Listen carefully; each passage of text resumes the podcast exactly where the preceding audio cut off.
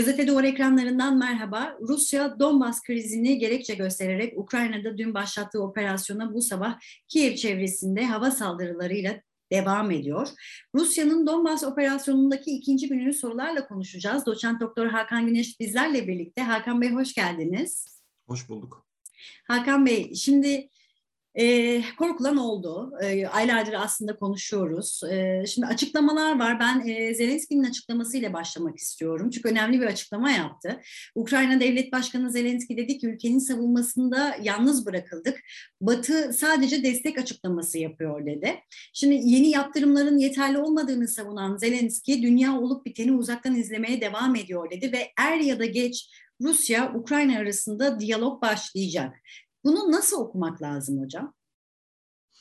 Şimdi bu ne kadar e, köşeye sıkışmış olduğunun bir e, kanıtı, durumu, ifadesinden ibaret her şeyden önce. İkincisi e, Zelenski aslında genellikle bu son dönemde görüldüğünün aksine Rusya'yı destekleyen nüfus kesiminden de oy almış bir kişi. Dolayısıyla nispeten son 10 yılda Ukrayna'da diyalog yapmaya en yatkın liderdi seçime girenler arasında.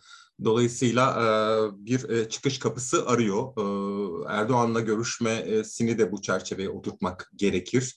Çünkü çaldığı bütün kapılarda e, kapanıyor. Biraz Saakashvili'nin 2008'de düştüğü e, duruma düşmüş durumda. Hem en yüksek perdeden Rusya, Ukrayna karşıtlığını e, tırmandıran liderler oldu. Ukrayna'yı her durumda destekleyeceğiz açıklamalarını an be an yaptılar. Fakat o gün geldiğinde e, Zelenski e, tıpkı Saakashvili gibi yalnız e, kaldığını e, gördü durum e, bundan ibaret. Tabii şu anda doğal olarak e, odağımız savaş, bu savaşın nerede duracağı, durduktan sonra ne olacağı, sivil halkın özellikle e, bir zarar ne ölçüde göreceği, görmeyeceği tartışmalarını e, takip etmeye çalışıyoruz. E, gelişmeleri izlemeye çalışıyoruz. Son derece kaygı verici elbette. E, dünyanın barış dilini bırakalı epey bir zaman geçtiğini biliyoruz ama bu kadar da e, artık e, doğrudan saldırıyla e, politikayı e, belirleme e, çağına bu kadar yakın olduğumuzu da doğrusu düşünmemiştik ve o an geldi, o o an yaşanıyor. Evet, peki hocam şimdi e, Rusya Enerji Bakanlığı'ndan bizi ilgilendiren bir açıklama var. Bir oraya da bakalım.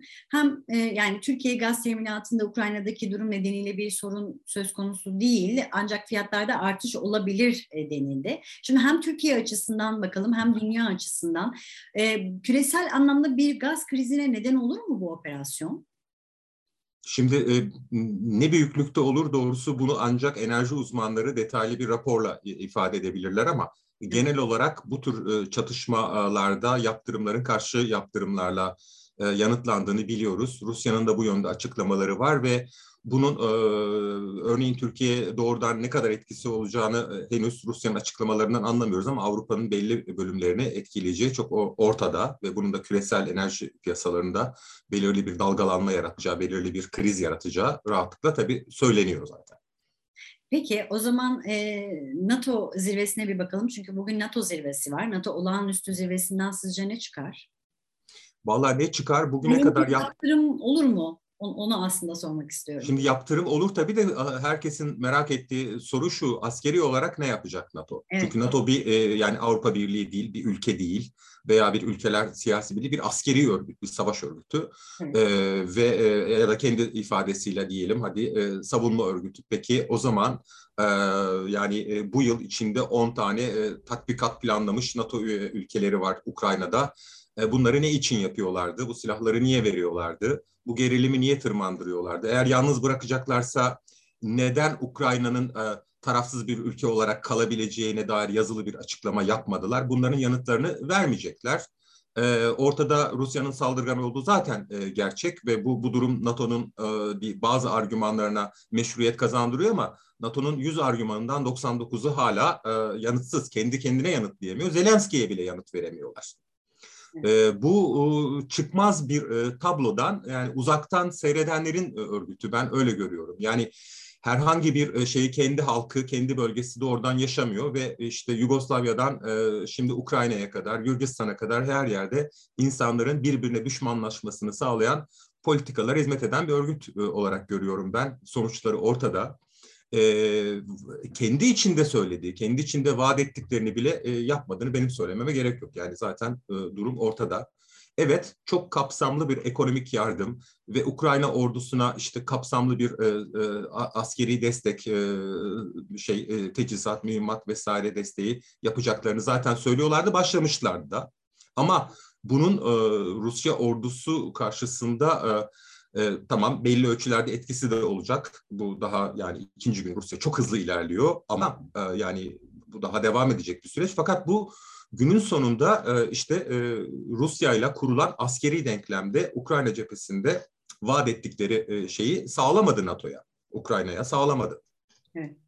Peki Toplantıya Cumhurbaşkanı Erdoğan da çevrimiçi olarak katılacak. Şimdi Boğazlar meselesi masada duruyor. Ee, Ukrayna'nın Ankara Büyükelçisi Bodnar Rusya'nın Ukrayna'ya askeri müdahalesinin ardından Dışişleri Bakanlığı yetkilileriyle görüşme sağlayarak bak, e, bakanlık binasına gitti. Ee, Bodnar e, yaptığı açıklamada e, Türk tarafı kararını verecektir. Montreux Anlaşması'nın 19. maddesi devreye konulmalıdır dedi. Siz nasıl yorumlarsınız bunu Hakan Bey? Şimdi Türkiye'nin bu kadar e, karmaşık bir denklemde, kendi iç gündemi de oldukça karmaşıkken ve bir ekonomik kriz içerisindeyken e, Şahin Kanada e, en azından katılmıyor olduğunu tespit edebiliriz. Bugüne kadarki açıklamalar bu yönde. E, ve e, Erdoğan'ın yakın zamandaki açıklamaları da yani NATO ne yapacağına bir karar versin diyor. Yani e, cephenin önüne beni e, sürmesin demek diye okuyorum ben bunu. E, nihai karar Ankara'da nasıl verilmiş onu bilemiyoruz. Çünkü Türkiye'de kararlar çok tek insan tarafından veriliyor.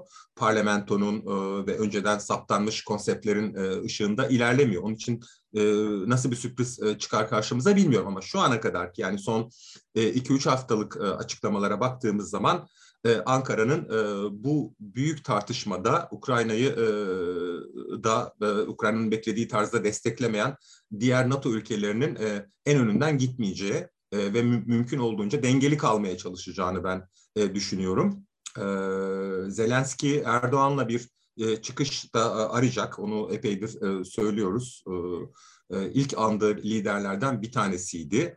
E, ancak o kapı da hızlı açılmış değil. Ee, örneğin e, Dışişleri Bakanlarını İstanbul'da buluşturmak ya da büyükelçiler düzeyinde bazı temaslar sağlamak gibi bir takım yollar izlenebilirdi ama Rusya anlaşıldığı kadarıyla harekatın birinci evresini tamamlamadan da e, doğrudan e, Ukrayna ile masaya oturmayacak. Şimdi masaya oturalım dolaylı olarak da söyleyen oturalım diyen Zelenski oldu.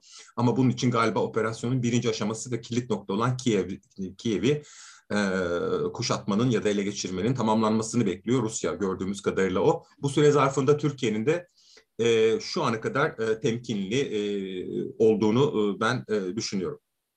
Hakan Bey çok çok teşekkür ediyorum yorumlarınız için. Doçent Doktor Hakan Güneş, Rusya'nın başlattığı operasyonun ikinci gününde gazete Duvar için operasyonu değerlendirdi. Görüşmek dileğiyle.